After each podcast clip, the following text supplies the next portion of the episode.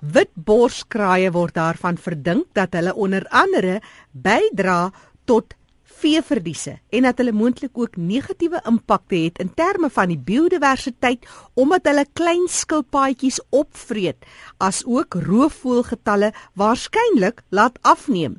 Die kraaigetalle in die Noord-Kaap provinsie het gedurende die laaste aantal jare drasties toegeneem en die impakte wat die voëls op die veral vee het, veroorsaak dikwels dat gif uitgeplaas word om van hulle ontslae te raak. Maar dit het natuurlik weer ander uitdagings tot gevolg. Ek gesels nou met die sekretaresse van die Noord-Kaapse Roofvoëlbewaringsforum, Christine Pinar, gesels met ons telefonies daar uit Kimberley. Christine, vertel ons eers net oor julle forum, net die samestelling. Jy's nou 'n vrou, is daar baie vroue in hierdie forum? Um, hi Jackie, ons die Noord-Kaapse Roofvoëlbewaringsforum is alreeds gestig in 1992. Ehm, die forum het begin met 'n paar mense wat baie entoesiasties is oor ons roofvoëls en om hulle te bewaar. Nou deur die jare deur is die forum ge, is gefokus op die beskerming van ons roofvoëls. Ehm, die forum het ook verskeie hoogtepunte al gehad soos die samestelling van 'n roofvoëlboekie en ook die pamflette oor die Noord-Kaap roofvoëlroete Um, en die forum is verantwoordelik vir die koördinering van aktiwiteite rakende roofvoëls binne die Noord-Kaap provinsie. Ek hou nogal wat jy sê van 'n roofvoëlroete. Van waar strek dit so min of meer? En die roofvoëlroete is nou 'n hele stuk deur die Noord-Kaap van tot en met op by die Kalahari. Dit is verskillende plekke wat hulle nou op fokus van waar die tipe aasvoëls is of watter ander tipe roofvoëls gesien kan word, die gebiede waar hulle voorkom. En wat jy sou jy sê is van die interessante voëls. Ons gaan nou-nou praat oor die spesifieke uitdagings ten opsigte van witborskraaie, maar sonder so 'n bietjie van ons van die uh, spesies uit praat nou van 'n bewaringsgroep wat julle is, so daar's krities bedreigde spesies in hierdie omgewing. En die Noord-Kaap het verskeie roofvoël spesies wat ehm um, sterk bewaar word onder die verskillende wetgewings wat daar is. Die Noord-Kaap het tans ook 'n 'n 'n roof ag 'n natuurbewaringswet wat hulle ook die verskillende spesies in verskillende kategorieë inlys.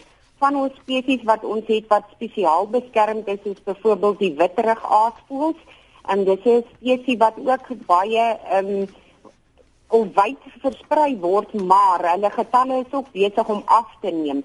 En dan het ons verskeie ander roofvoëlspesies soos jou um, klein spesies soos die bleeksinkvalk en daai tipe van spesies al die roofvoëlspesies is in die Noord-Kaap beskermd. Mm. So jy mag nie net daar mag nie net gif uitgesit word om hier, om ontslae te raak van hierdie tipe uh voëls nie.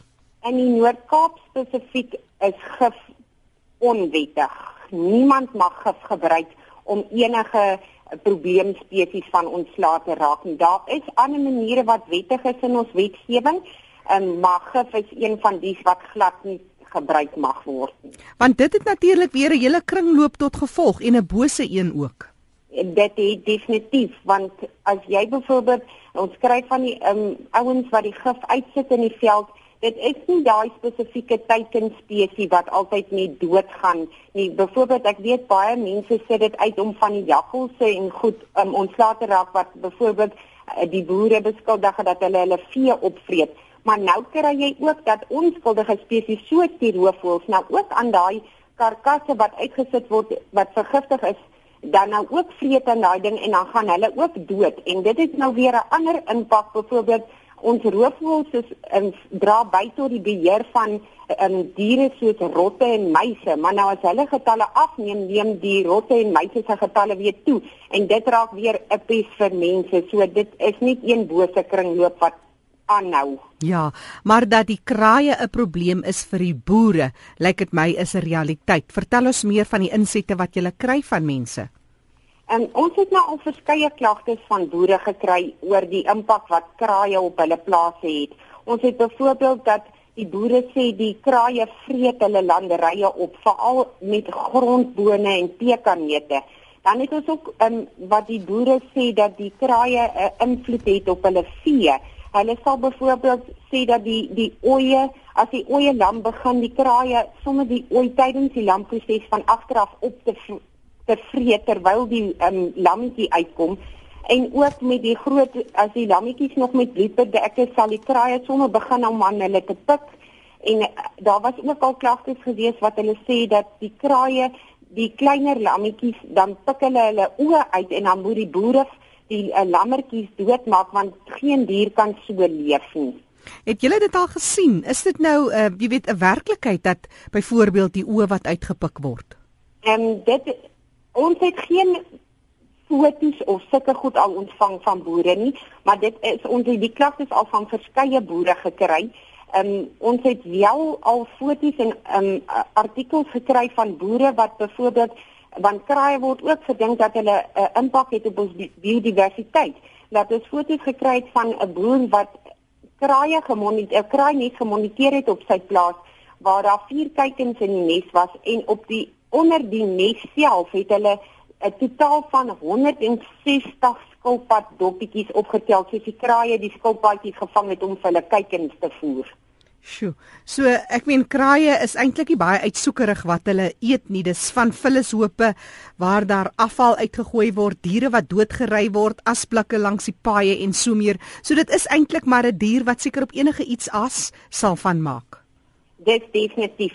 Die kraaie is 'n baie opportunistiese spesies. Hulle is baie maklik aanpasbaar en vreet basies enige ding wat hulle in die hande kry enige iets soos jy genoem het en, en dit is hoekom die probleem van rommel wat rondgestrooi word en byvoorbeeld die binnegoed van kar karkasse wat in velde gestrooi word en ons het ook al klagtes gehad van veral by slagpale wat die bloed en um, ingewande en goed net so buite in die veld um, gestrooi word dit lok definitief die kraaie want dit is vir hulle ba baie maklike voedselbron om in die hande te kry en um, dit is een van die vermoedes wat hulle het dat die kraaigetalle dalk toeneem as gevolg van die probleme wat ons het met vullis en rommel en ook dan nou natuurlik die makliker voedselbronne soos landerye en goed wat tot hulle in beskikbaar is.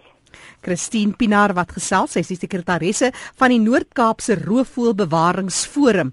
Nou kraaie is nou spesifiek vandag ons onderwerp ten opsigte van 'n probleem voël, roofvoël in die geval, maar dis 'n inheemse spesies, Christine.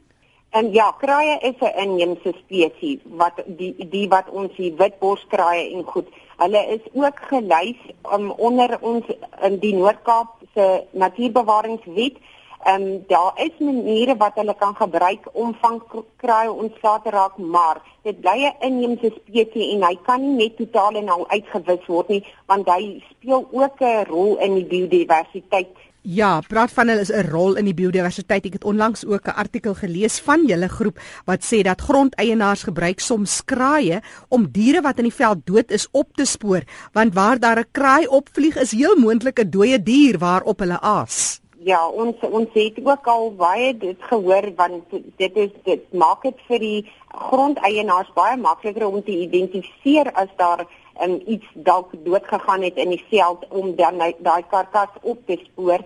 Ehm um, hulle is uh, sien dit as 'n teken van die dood. Ehm um, dan kraai ook assosieer baie keer met aasvoëls want hulle in omdat hulle sulke opportunistiese spesies is sal hulle enige oorblysels gaan opvreet van wat die ehm um, aasvoëls in die hande gekry het. En so dit sien hulle dit as 'n spesies wat kan aandui waar daar dalk karkasse kan wees. Mm -hmm. Nou in die Noord-Kaap het julle as bewaringsforum beplan om so aan die einde van volgende maand daar in Kimberley oplossings te probeer vind. Verskeie uh, rolspelers is betrokke. Vertel ons meer oor hierdie beoogde werkswinkel. OK, ons beplan die werkswinkel vir die 30ste Julie. Dit sal by die Lady Oppenheimer saal van die McGregor Museum in Kimberley gehou word. En die werkswinkel sal om 9uur begin word.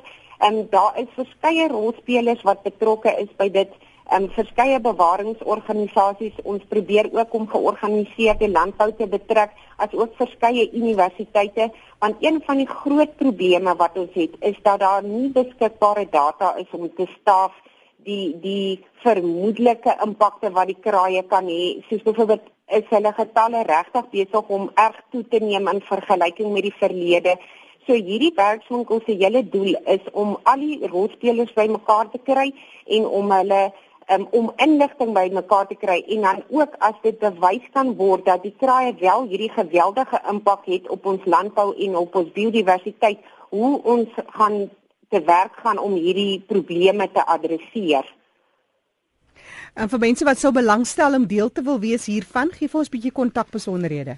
OK, hulle kan vir my kontak by 053 807 7441 en ek kan ook vir hulle e-posadres gee. Dis christine.detect@gmail.com. Spel net vir ons daai detect. Dis D T E C. D T. E. Ja. E C. En Christine is met die T I N E aan die einde. En dis by Gmail sê jy. Dis reg, ja. Herhaal net gou vir ons al die besonderhede. 'n Telefoonnommer 053 807 7441 of e-posadres christine.detech@gmail.com. Christine en en ek soos jy sê dit is nou uh jy weet wyd wat julle hierdie ding trek. Wie is van die mense wat nou al aangedui het dat hulle hande met julle sal hou om hierdie tipe probleem uh, of hierdie tipe uitdagings die hoof te kan bied? OK, daar's nou verskeie organisasies soos ehm um, die ehm um, Endangered Wildlife Trust, die trust vir bedreigde natuurlewe. Ja. Hulle gaan betrokke wees by dit. Ons het dan ook ons forumlede wat bestaan uit verskeie organisasies soos ehm um, die McGregor Museum self. Dan het ons ook mense uitgenooi soos van Telkom en Eskom want hulle het ook ehm um, deur die impakte wat kraaie byvoorbeeld op die telefoonlyne en kragpale kan hê dan is dit ook um, ander organisasies wat ons betrokke kry is definitief landbou. Ehm um, ook ons Suid-Afrikaanse nasionale parke gaan betrokke wees by hierdie ding. Dan is daar ook ook verskeie boere wat al nagevraag gedoen het oor die want dit is vir ons baie belangrik om die boere se kant van die saak ook te sien en om soveel as moontlik inligting bymekaar te kan kry. Mm, dis ons baie dan, belangrik. Mm. Ja, ons beoog ook dan om van al die um, provinsie se natuurbewaringsdepartemente mense te kry wat betrokke is want ons moet almal saamwerk om geskikte maniere te kry wat sal help dat ons oplossings vir die probleem of moontlike probleme kan kry. Christine Pinaar wat so gesels, sy is die sekretaresse van die Noord-Kaapse Roofvoëlbewaringsgroep en uh, hulle het hierdie werkswinkel wat op die 30ste Julie aangebied gaan word. Jy kan haar gerus kontak 053. Dis die uh, kode daar op Kimberley en haar nommer is 807 7441 of stuur 'n e-pos dis christine.detech is d t e c detech by gmail.com. Ek gesels nou met Beryl Wilson. Beryl is 'n dierkundige en sy is by die McGregor Museum in Kimberley.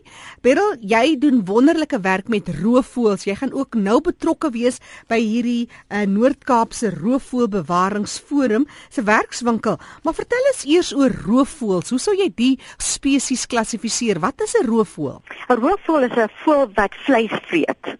So ons praat van aasvoëls, arende, die valke en so aan. Wat is die verskil tussen 'n aasvoël, 'n arend en 'n valk? Hoe sou jy dit uitrol? Valke en arende, hulle vang hulle eie kos, hulle hulle jag dit af. Waar meer 'n aasvoël eet iets wat al klaar dood is. So hy's 'n scavenger. Nie soveel opportunity wie hy eet net wat voorkom in die veld en wat klaar is daar. Baie van die arende, hulle is ook opportunistic. So byvoorbeeld is daar padsterf, soos hulle sal ook inkom vir dit. Mm. So daar's 'n daar's 'n definitiewe rol dink ek in die natuur van elkeen van hierdie spesies. Die grootste ding van 'n arend is dat hy 'n groot klou en 'n groot bek en hy is geskik om om iets dood te maak. Jy weet hulle kan van ver af sien, hulle kom in vinnig en hulle maak 'n ding vinnig dood.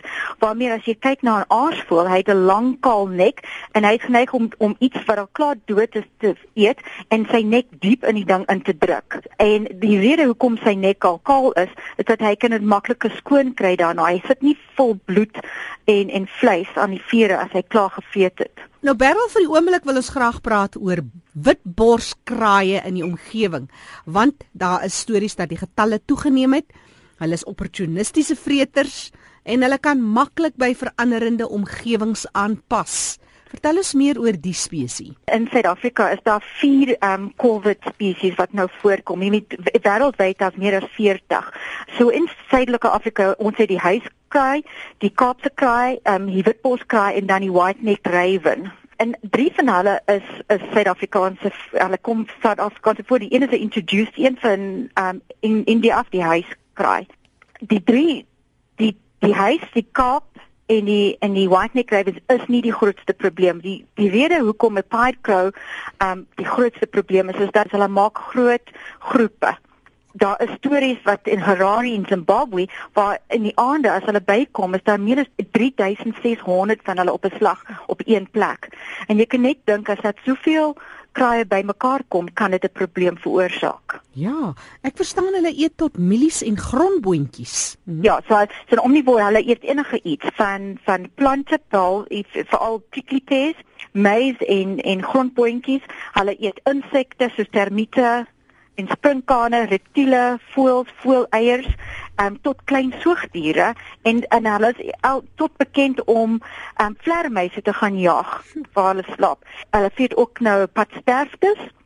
En die groot ding is dat jy weet jy hulle kom voor by die die aasgate, by die abattoir waar waar die vleis of die afval rond lê. Hmm. Hulle is aktief jagters. Daar's niks wat veilig is vir 'n kraai nie.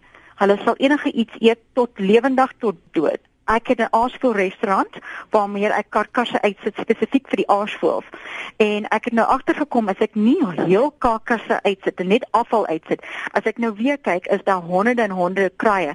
En ons praat nou van tot 300 kraaie per slag en laasweek het ek gehoor by 'n boer in Jacobsdal wat gesê hy's besig om groenpotjies op te plug en hy het gesê hy het tot 1000 kraaie in die lug gesien daai dag. So hulle tot tot daai grondpotjies. Nou die big, die grootste probleme met met 'n kraai is dat hy kompeteer met 'n roofvoël. Byvoorbeeld as die roofvoël nie vleis het dat hy kan jag of net gaan scavenge, dan het hy niks om te eet nie. Maar meer 'n kraai, al wat hy doen is hy draai sy dieet om en dan vreet hy prickly pears of of grondboontjies of iets anders. So hy het altyd kos beskikbaar vir hom. Dit klink na 'n regte spesies wat hier is om te oorleef, maklik aanpasbaar is by enige omgewing dis die ding en dis dis die rede hoekom dit 'n probleem is. Een van die ding wat ons sê is hulle amper soos 'n mens intelligent. Ehm um, hulle sê dat die neokortex van van die brein van 'n kraai is net so groot as wat in 'n chimpansee of of 'n mens voorkom. So dit beteken dat hulle kan baie goed dink. Hulle kan planne maak. Hulle kan tot ehm um, tools gebruik. Hulle maak vir hulle plannetjies en hulle kan hulle uitdink. Ehm um, hulle praat van 'n kraai wat kan brood gaan vang of of gaan optel en gooi dit in die water sodat hy wag tot die vis opkom om om die brood te kom eet en dan vang hy die vir homself die vis. So hulle maak tot tools om te gebruik om om by hulle kos uit te kom. Jy praat van hulle gebruik tot op apparaat om om hierdie werk te doen, soos wat? Hulle kan dit spontaneus 'n probleem uitwerk.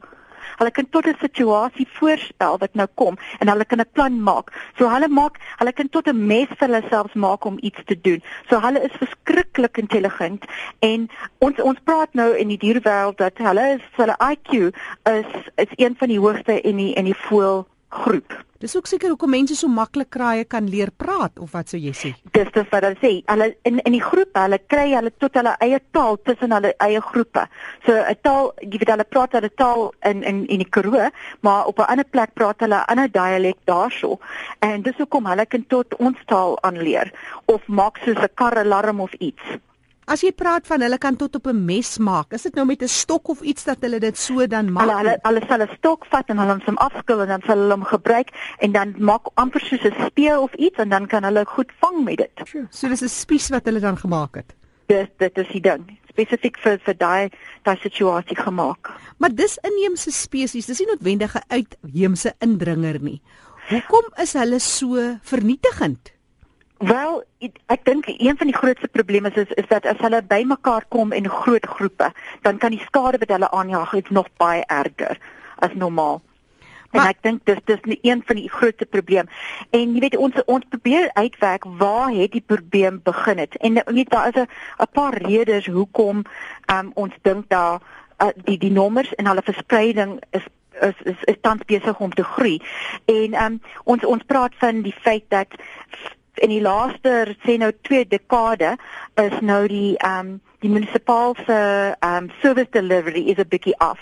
So dit beteken ons as hoope en die abattoir en alles is nie goed gesorg soos hulle was in die verlede.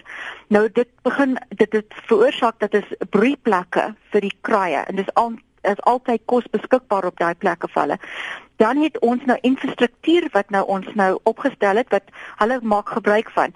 Soos nou die die power lines en die telekommunikasiepale en so aan en dan brei hulle uit van die dorpe uit na in in die buitelande toe veral soos plekke soos die Karoo waar hulle sal nie maklik so groot nommers kan opgestyg het tans omdat daar is nie ehm um, daai tipe goed wat hulle normaal gebruik het wat ons het broeiplekke, ons het kos vir hulle verskaf en plekke wat hulle nie voorheen gehad het nie.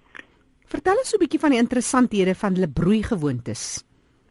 Wel, die broeigewoontes is dat jy weet hulle sal gebruik maak van enige iets om te broei en hulle hulle broei vir die meeste amper die hele jaar lank.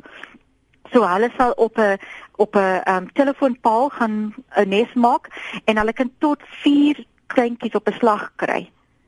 So hulle broei nogal goed. Waarmee as jy vat nou roofvoël op die meeste een of twee kuikens op 'n slag uitbroei. En hoe gereeld is hierdie vier of so kleintjies? Elke keer as hy die laaste groep uitgebroei is, dan dan is hulle reg om weer te begin. So hulle kan net aan en aan en aan gaan. Dit sal so gaan, maar as jy vat 'n roofvoël, hy doen dit net een keer 'n jaar. Hmm. Hmm. Jy sien so dis dis nou die kompetisie wat nou weet jy as jy kraai uit uitroer op 'n plek, kan hulle maklik weer hervestig.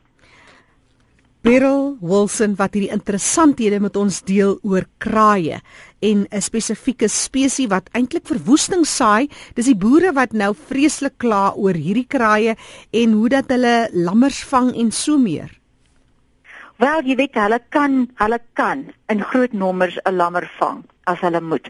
Dit is nie gewoonlik wat wat die probleem is, maar ons het rekords nou van die kraaie wat nou terwyl die ma besig is um, om die lange uit die die lam uit te druk, is die kraai al klaar besig om om die tong en die oor van daai lam uit te pik. En dis nou 'n bietjie van 'n probleem, want jy kan nie jy kan niks maak met 'n lam wat kan nie eet of sien nie. En op die ou eind dit's die die boere moet daai lam uitsit omdat jy kan dit nie so aanhou nie. Beryl, maar jy praat nou van kraaie wat so slim is dat hulle planne maak. Hulle kan tot op sekere toerusting gebruik, stokke en so meer om iets in die vorm van 'n spies te maak. As dierkundiges Beryl, wat is dit wat jy voorstel? Wat staan ons te doen om hierdie uitdagings te oorkom? Wel, al wat ek sien is ek dink ons het 'n groot probleem wat voor ons lê as hierdie probleem nou nie op you know opgeruim is nie die probleme wat jy weet as ons dit nie nou vasvang nie gaan ons sit in die toekoms sonne ehm um, roofvoëls in ons lug veral in die in die Kalahari en die Karoo areas um, hulle gaan hulle uitkompeteer en, en dit is nou verskriklik en ons wil nie nou die kraai heeltemal uitroer nie. Hulle het 'n plek in die um in die environment, maar ons moet hulle nommers uh, onder beheer kry. Maar as jy sê hulle kan byvoorbeeld ander roofvoëls uitroei, sal hulle die roofvoëls ook aanval of is dit maar eintlik die voedselbronne wat hulle uh, dit, dit, weet heeltemal die probleem jy weet hulle kompeteer met die roofvoëls vir kos in die eerste plek. Hulle kompeteer met die roofvoëls vir ehm um, vir broeiplekke En dan wel as die as die roofvoëls klaar gebroei het, dan is daar 'n probleem. Hulle vang aan die eiers van die roofvoëls, hulle van die chicks van die van die roofvoëls en dit is altyd 'n probleem. En dan as 'n roofvoël iets nou byvoorbeeld vang, die crows kan hulle mop tot hulle daai voelstuk wegkry van die roofdier. Daai kraai sal dit wegvat van 'n roofdier. Wat kan ons doen, Jan en San publiek? Hoe sal ons verseker dat ons nie vir hulle aanhelp in hierdie proses nie? Wel my eerste idee is dat ons met ons service delivery in die dorpe en die peridorpe 'n bietjie verbeter. Dit is net die eerste ding. Dan daar is 'n paar van die ons ehm um, van ons farming praktyke wat ons moet 'n bietjie verander. Dit sal ook help. Dis die idee agter hierdie werkswinkel om te bepaal wat presies is op die probleme. Waar waar is die grootste probleme? Waar lê hulle? En ons moet nou nog probeer uitwerk wat is die beste opsies om die kraaie se nommers onder beheer te hou. Ons wil hulle nie uitroei nie, maar ons wil net die nommers beheer dat dit 'n natuurlike nommers in die veld wat voorkom. En so gesels Beryl Wilson, sy's 'n dierkundige by die McGregor Museum in Kimberley. Eh, Beryl, gee vir ons jou kontakbesonderhede vir mense wat met jou wil gesels oor hierdie tammeletjie. Hulle kan my, hulle kan my op my kantoornommer kry, dis 053 839 2727 of hulle kan my in e-mail Dit is Beryl W A en ek spel dit B E R Y L W A @gmail.com. En jou telefoonnommer net weer? Dis 053 839 2727. Ek herhaal gou daai kontakbesonderhede vir Beryl Wilson, dierkundige by die McGregor Museum in Kimberley, 053 839 2727 of stuur vir haar 'n e-pos, dis Beryl W A by gmail.com